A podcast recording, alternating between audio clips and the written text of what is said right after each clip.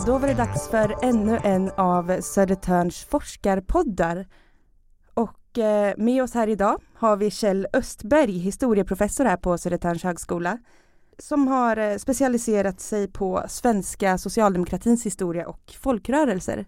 Varmt välkommen hit Kjell. Tackar. Um, idag tänkte jag att vi kan prata lite om uh, eh, 68-revolutionen som tog kraft för snart 50 år sedan på pricken, som jag vet att du har skrivit en del om. Kan du dra historien lite kort? Vad var det där i slutet av 60-talet som eh, hände i Sverige? Det var en period av stark social mobilisering. Jag kanske kan säga att ett genomgående tema i min forskning det har varit hur sociala reformer och demokratisering har genomförts. Eh, och då har jag en allmän utgångspunkt att det som har skapat situationer av, av grundläggande sociala reformer och djupgående demokratisering det är en kombination av social mobilisering och sociala rörelser som kämpar. Och det, det, här var en, en eh, process, det är en process som man kan urskilja i historien, den jag brukar kalla för radikaliseringsvågor. Eh, för precis hundra år sedan till exempel, 1917, så hade vi ju eh, hungerkravaller i, i, i, Sverige och vi hade revolutioner i Tyskland och, och Ryssland och så vidare. Och det skapade ju en, eh, la grunden kan man säga till den demokratiseringsvåg som skedde direkt efter den första världskriget. Och på samma sätt så tror jag man kan säga att 60-talsradikaliseringen också var ett uttryck för en form av social mobilisering. Men det spännande där då det var att det dyker upp någonting som man inom forskningen kallar för nya sociala rörelser. Alltså traditionellt är det ju de, de, stora folkrörelserna, kanske framförallt arbetarrörelsen då, som har varit de som har varit bärare av de här sociala reformerna. Eh, men det som hände under, under 60-talet det var att det, de här traditionella rörelserna, då arbetarrörelsen, framförallt socialdemokratin i Sverige, de utmanades av nya rörelser. Och det började då som en slags ungdomsradikalisering. Det var ganska ostrukturerade eh, gatukravaller, modskravaller till exempel. Eh, men det var också ett engagemang hos ungdomen för internationell solidaritet. Det här var ju under den tiden när världen kännetecknades av eh, omfattande social kamp i, i tredje världen för alltså koloniala befrielserörelser som ville kämpa för befrielse för de europeiska kolonialmakterna. Och för de som var unga vid den här tiden, och det var också jag, eh, så var det ganska självklart att man engagerade sig till stöd för de här internationella rörelserna. Idag är det väl kanske framförallt Vietnamrörelsen man pratar om. Men eh, eh, det, var, det här var ju också kamp som föregick i Latinamerika, den kubanska revolutionen eller i Afrika och så vidare. Så vad man, vad man kunde se då det, det var en, en, en, ett slags återfödande av sociala rörelser och social kamp. Men eh, inte i de gamla traditionella folkrörelsernas spår utan, utan eh, den här gener unga generationen den var ganska kritisk till både socialdemokratin men också kanske de traditionella kommunistiska partierna och ville liksom bygga upp nya andliga auktoritära rörelser.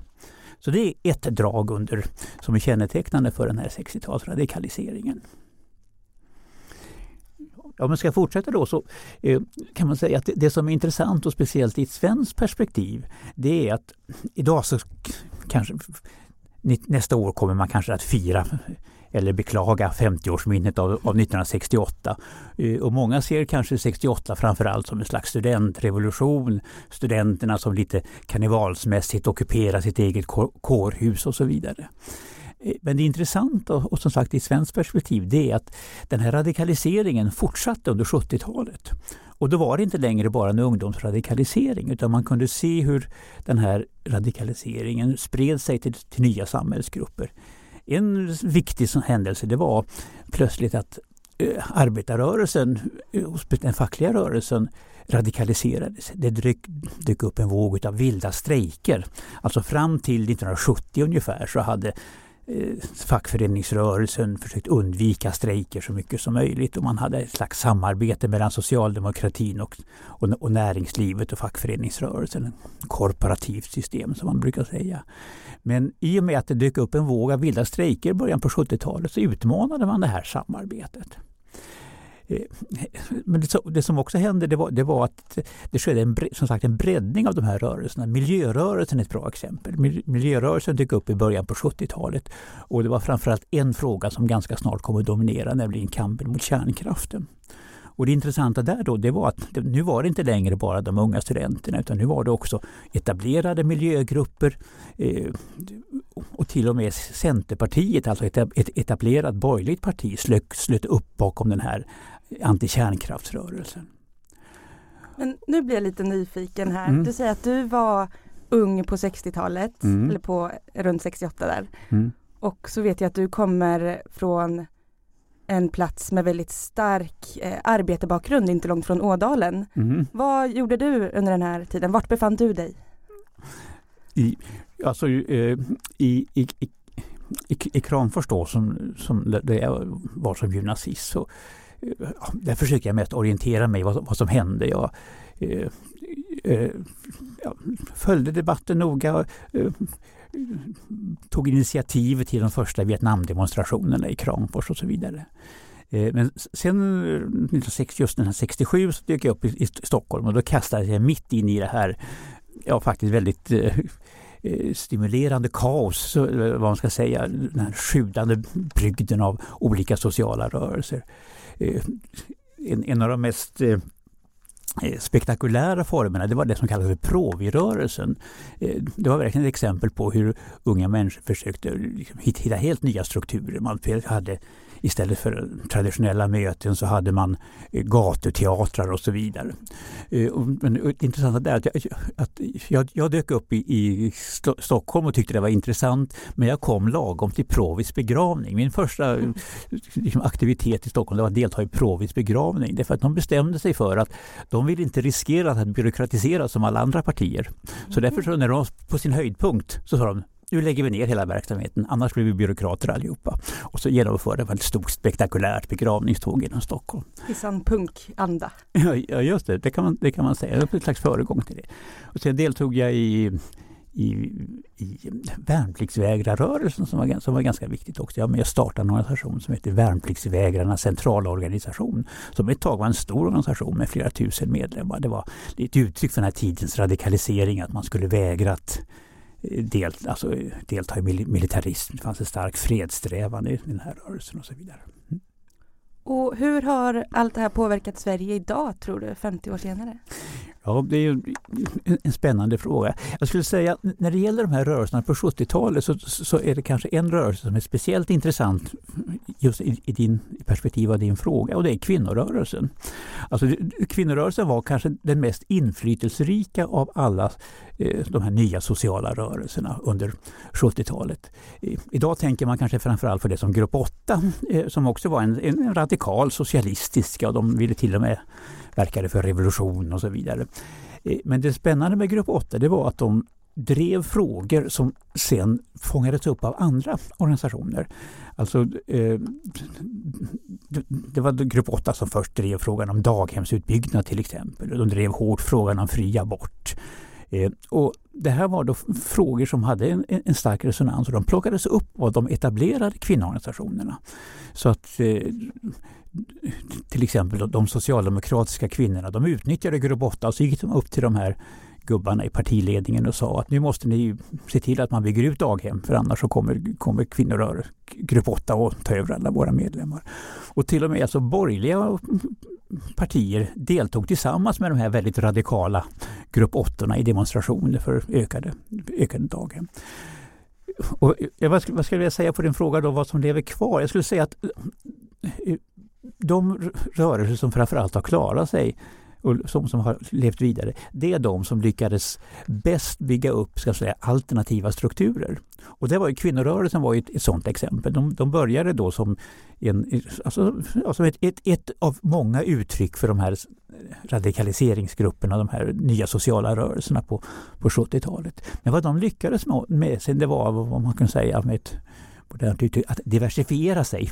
Alltså kvinnorörelsen Eh, många av de här rörelserna de ebbade ut, eh, de, liksom kampen tog slut. Och, eh, till exempel då, men eh, vad kvinnorörelsen gjorde det var att man, att man fortsatte kampen i andra former. Eh, en, en viktig inriktning handlade till exempel om att bygga upp alltså de här alternativ, kvinnor, kvinnorhusverksamheterna, alltså att skyddet för, för, för misshandlade kvinnor. Där deltog många Många av de här Grupp 8-aktivisterna byggde upp det. Eh, en hel del av eh, Grupp 8-aktivisterna hamnade här, det vill säga inom högskolan och eh, utvecklade där en, fortsatte att utveckla då en, alltså, det man idag kallar genusforskning, det som då heter kvinnoforskning. Och, och inte minst jag som historiker har ju kunnat se hur genushistoria har vitaliserat historieämnet. Och, och, och där har ju, då, har ju då kvinnorörelsen hittat en, en, en, en, bas för att leva vidare. Man har alltså hittat nya former utan att etablera sig. Och uppkomsten nu av Feministiskt initiativ det tycker jag också är ett strålande exempel på hur man har så att säga, kunnat bygga upp eh, alltså, ja, så nya, jag tror Feministiskt initiativ är ett bra exempel på just en social rörelse.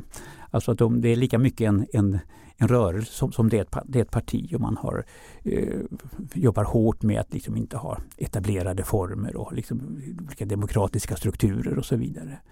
Så att eh, ja, kvinnorörelsen är, är ju ett exempel då som har levt vidare. Eh, en annan sån här rörelse som, som finns idag men där man kanske just idag kan diskutera eh, hur väl man har lyckats för, förvalta arvet från 68, det är miljörörelsen. Alltså miljörörelsen man kan säga då led ett nederlag i och med den här folkomröstningen i kärnkraftsfrågan 1980 som sa att man skulle inte avveckla kärnkraften omedelbart, man skulle göra det inom 30 år, alltså före 2010. Det var ju inte riktigt så. Men hur miljörörelsen då hanterade det här nederlaget, det var att man bildade ett, ett politiskt parti. Och även Miljöpartiet hade ju från början väldigt många drag som man hade hämtat från den här anti-auktoritära eh, 60 70-talsrörelsen. Och eh, alltså, man, man eh, verkligen hade olika ska säga, garantier inbyggda för att inte byråkratiseras. Eh, nu skulle väl idag många säga att eh, kanske Miljöpartiet har, har misslyckats lite grann med att, att inte institutionaliseras. Alltså de, det pris man har fått betala genom att, att ingå i regeringens överenskommelser och de kompromisser man fått genomföra. Det var väl inte riktigt vad de här nya miljöpartisterna drömde om. De borde haft en begravning i 60-talsanda då kanske? ja, det var en intressant tanke.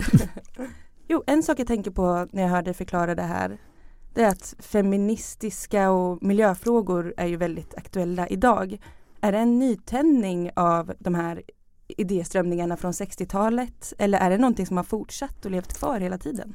Jag, jag tror man kan, man kan säga att genom de här exemplen jag gav om, om, om Miljöpartiet som delvis institutionaliserades och, och kvinnorörelsen som hittar så många olika former att, att driva de här frågorna och liksom eh, kunde bli en ny, nytändning hela tiden.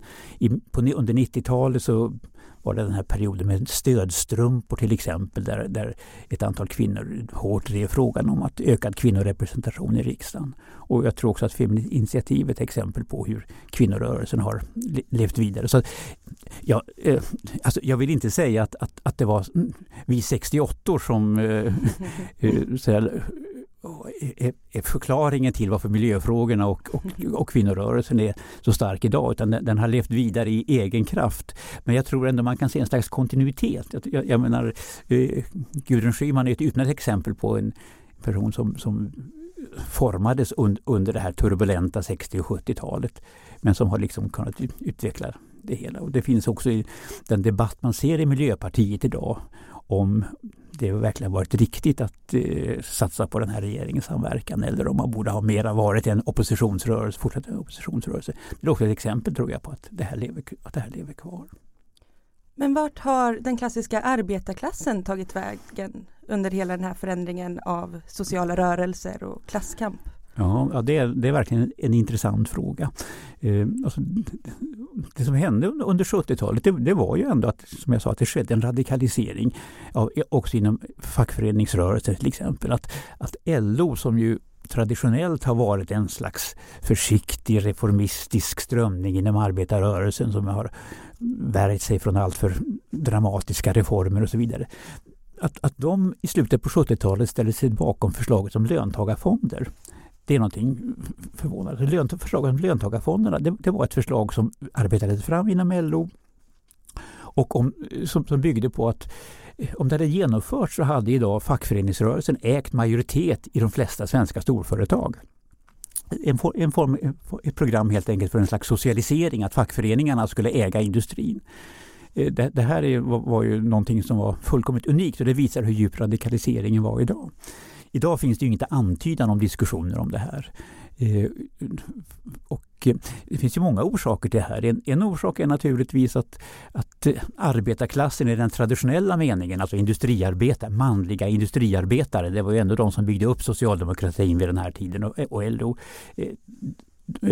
Den, den, sociala gruppen har ju minskat drastiskt genom kriserna på 70-talet och 90-talet. Och mm, efter finanskrisen så har ju industriarbetarklassen minskat från att vara den största, sociala gruppen till vad kan det vara, 10 procent idag eller sånt där. Eh, sen har, har ju också då alltså arbetarrörelsen klämts hårt i den här nya ideologiska eh, strömningarna som har dominerat från 80-talet. Alltså nyliberalismen eh, bygger ju på att marknaden ska få större inflytande. Och eh, för en fri marknad så är en stark fackföreningsrörelse ett, ett hinder. Och därför har det, speciellt internationellt, det är inte lika tydligt i Sverige, men internationellt så har ju fackföreningsrörelsen trängts tillbaka väldigt kraftigt. Men även i Sverige så kan man, kan man se hur, hur eh, ja, den fackliga lagstiftningen har luckrats upp. Det har genom, in, genom eh, att, att de fasta anställningarna har börjat upphöra genom eh, att, att, eh, man har luckrat upp kollektivavtalen och så vidare så har så här, fack, fackföreningsrörelsens styrka minskat. Det borde ju in, inte nödvändigtvis vara så därför att samtidigt som industriarbetarna har minskat kraftigt så har ju andra delar av arbetarklassen ökat i antal. Man, man tänker sig speciellt de, de kvin, den kvinnliga delen av arbetarklassen, de som jobbar inom, inom vård och välfärd och så vidare. Eh, de skikten har ju, har ju ökat. Så, är, så, att, så, så på det sättet så eh, är det ingen naturlag att, att, att, att arbetarklassen skulle försvinna även om industriarbetarna gör det. Men det är uppenbart att eh, det har varit problem för, för fackföreningsrörelsen att hävda sig i den här nyliberala tiden. Man kan väl också säga det för att Socialdemokraterna så pass eh, okritiskt har slutit upp bakom den här nyliberala orienteringen. Alltså att man har accepterat att det är marknaden som ska styra. Det har ju också försvagat eh, arbetarrörelsens styrka. Och det kan man ju inte minst se internationellt. Jag tänker att ja, en... Nu, nu, nu är det passar kanske bra med Frankrike.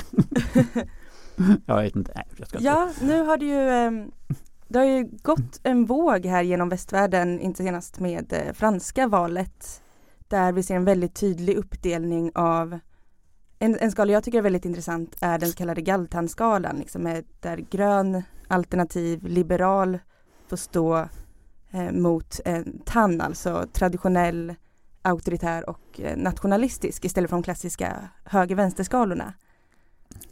Ehm, kan du beskriva det fenomenet lite mer? Vad är det vi ser i Europas val nu med Macron och Le Pen till exempel? Ja, alltså jag, jag tror man kan se lite säga, hur, och även här 60-70-tals talets förändrade sociala landskap har, har påverkat det här. Därför att eh, det, det, var mycket frågor som, som var kopplade till exempel till miljö, ett nytt sätt att leva.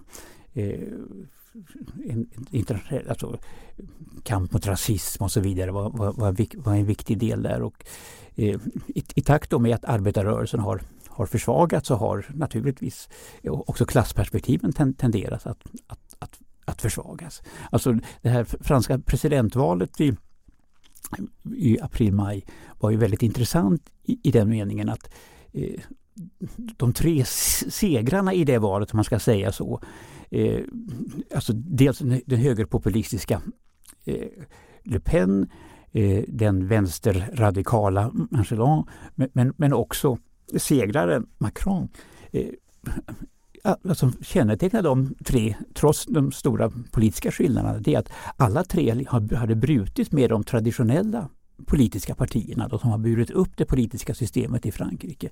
De två partierna, alltså högern eller republikanerna och socialistpartiet, de fick ju mindre än 30 procent av rösterna. Eh, och, och, och, det är ju ett exempel på att det har skett en förskjutning. Och sen då det här förhållandet att, att eh, Le Pen och ganska länge nu har varit den starkaste arbetarpartiet i Frankrike. Det är ju också ett uttryck för hur de, de, arbetarklassen känner sig övergiven av de traditionella partierna tror man kan säga. Jag upplever att det känns som en um, en förskjutning i hur de som driver de här sociala frågorna nu kan vara en barista som jobbar på eh, någon kaffeservering men som ändå har en konstexamen. Det finns ett kulturellt kapital kanske i stan som klassas typiskt till vänsterfrågor. Men vart finns eh, de mer klassiska, de som ändå överlevt industrisamhället där? Du, du menar klassfrågorna i, i, traditionell mening eller? Ja, hur, hur ser, eh, vilka är de nya klass, vilka är de nya klasserna i Sverige? Mm. När eh, det finns en sån skillnad liksom en, i, i kulturellt kapital, man kan vara högutbildad men samtidigt ha en låg lön och vara politiskt mm. aktiv. Mm. Vad händer då med de lägre utbildade som jobbar med traditionellt arbetarklassjobb? Ja, och det intressanta är väl hur ska man kunna skapa en slags gemensam grund för de, de, de här grupperna i så fall om man genomför social om man vill genomföra en, en social förändring. Alltså vad, vad, du pekar på det, det, är ju det här att det har skett en, en slags uppluckring av de traditionella klass, klassgränserna. Att eh, prekariatet som man ofta pratar om det, det, det, kan mycket lika väl bestå av den här personen som du beskrev som, som en, en lågavlönad industriarbetare till exempel med osäkra anställningsvillkor. Ja, det, det här en, en, det, det, tror jag är en, en, en, stor utmaning som jag inte heller är säker på att forskningen har något bra svar på. Eh, det finns en, eh, ett eh, sätt att beskriva det hela av, av av, den här italienska gamla marxisten Gramsci som pratar om att det ett interregnum i en situation när de gamla, det, det gamla har, har ebbat ut men man ännu inte kan formera någonting nytt. Det, Ett limbo? Vadå? I ett limbo? Ja, det kan man, det kan, det kan man kanske säga. Uh, hur ser, alltså, lite grann, vad kommer att ersätta de ta Frankrike idag till exempel. Vad kom, kommer att ersätta de här partierna som, som nu har rasat ut? Vad kommer, er, kommer den socialdemokratin som länge var ett 20-30 parti i Sverige till och med ett 40-50 parti men som idag internationellt jag har alltså i, i länder som Frankrike eller, eller, eller Grekland eller Nederländerna eller ett parti som har färre än, än 10 procent, de som traditionellt har burit upp de, de här gruppernas in, intresse. Vad händer när de försvinner? Hur kommer det att skapas nya grupper och partier? Kommer överhuvudtaget det här existerande partiväsendet, har det någon framtid överhuvudtaget? Finns det liksom eh, andra former att uttrycka den här sociala mobiliseringen som, som jag menar är, är viktig för uh, genomföra förändringar. Har det här som du frågar efter, har den traditionella arbetarrörelsens kampformer, är de uttömda? Tillhör de historien? Eller går det på något sätt att rekonstruera det här? Eller har de gått till den mer auktoritära högern?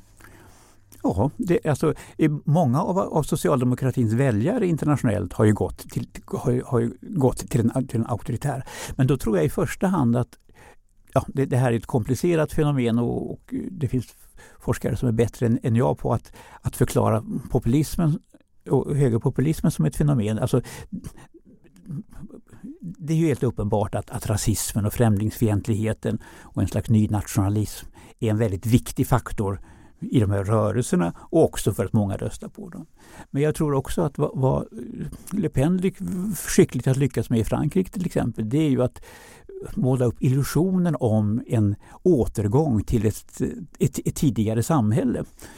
Och man kan även se att åtminstone tidigare så ville också Jimmy Åkesson i Sverige driva den linjen. Alltså, eh, och, och vad, vad de då appellerar till det är ju ska säga, det, gamla, det gamla socialdemokratiska välfärdssamhället.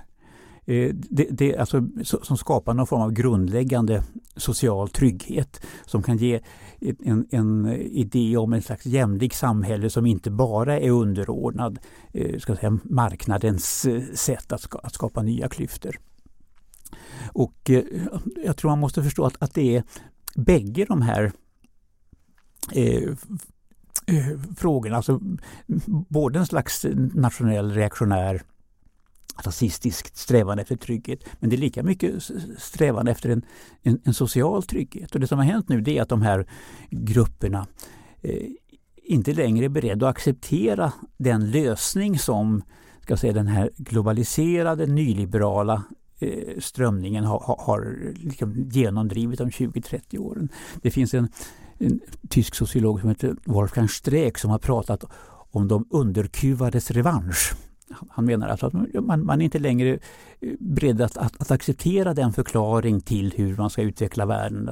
Eh, alltså, de här tankarna om att eh, ja, att, att de här nyliberala lösningarna med privatiseringar och avregleringar är, leder fram till ökat välstånd. Den här teorin om, som har funnits ganska länge om att att eh, trickle down. Om, det, det, är bra att de rika blir rikare därför att, att, att rikedomen sipprar ner till de, till de fattiga. Ja, nu har man prövat det här i 20-30 år och det är fortfarande en trickle up. Det är väldigt lite som har, har kommit ner till och när man inte är beredd att acceptera det då ifrågasätter man det här. Och då finns det naturligtvis en, en med, rätta kan man peka då på att, att, att eh, många har, har då sökt sig till en, en, en, en auktoritär som du säger, en, en, en auktoritär lösning. Men det är också en slags reaktion på ett, ett, ett eh, som kan ta sig andra uttryck. Och idag diskuterar man ju också om, om, om det finns ett vänsterpopulistiskt svar till, till, till högerpopulismen. Alltså eh, Mélenchon i Frankrike till exempel, han upplöste ju sitt gamla vänsterparti i praktiken och skapade en, en, en ny rörelse liksom som, som, som var ett sätt att eh, ja, alltså skapa en, en, en, mer lös struktur, en, en mindre auktoritär och mer lös struktur upp, uppbyggd kring honom själv. Och, och eh, ja, då, då är frågan, är, är, det, är det den framtid vi ser nu? Alltså en, en slags höger, högerpopulism som är väldigt auktoritär och som, som driver den här frågan. En slags vänsterpopulism som ska säga, har också frigjort sig från de gamla partierna men som kanske har mer lösa, lösa strukturer och som kanske då appellera till de här grupperna som du pratar om, de här som är mer intresserade av miljöfrågor och, och eh, livsfrågor och, och så vidare, identitetsfrågor kanske. Det, ja, alltså det, jag skulle vilja säga att, att, att vi, vi befinner oss i det här interregnum som, som, som Gramsci talar om nu. Att, att, eh, jag skulle nog vara väldigt försiktig att, att tala om vad som händer. Man, man, man kan tänka sig en, en, en, en ja, i mitt perspektiv då, katastrofal utveckling där de här högerauktoritära krafterna kommer att ta över. Eh, Le Pen fick bara, inom citationstecken, eh, 35 procent i, i senaste presidentvalet. Men många tror att ja, vad händer nu om i, i, nästa val om det visar sig att Macron inte är den här lösningen som många hoppas på. Hur många procent kommer han få då? Det, det är ett alternativ. Den andra frågan är då, kan, andra, det är det här som jag sa tidigare, är det verkligen så att de här traditionella form, organisationsformerna som både arbetarrörelsen men också de nya sociala rörelserna använder sig av, eh, är de verkligen uttömda? Går det liksom inte att samla din, din barista eh, med eh, de industriarbetare som, som, som idag hotas att av, av uppluckringen av, av fackliga rättigheter och, och, och visstidsanställning och så vidare. Är det inte möjligt att, att, att samla dem i någon slags bred rörelse som också organiserar sig. Därför att det är ju verkligen en, en fråga som, som är intressant nu. Det alltså, känns som om Vadå? Det känns som om om 50 år så kommer vi sitta här med en samtidshistoriker och prata om vad som hände 2017 alltså. Ja, just det.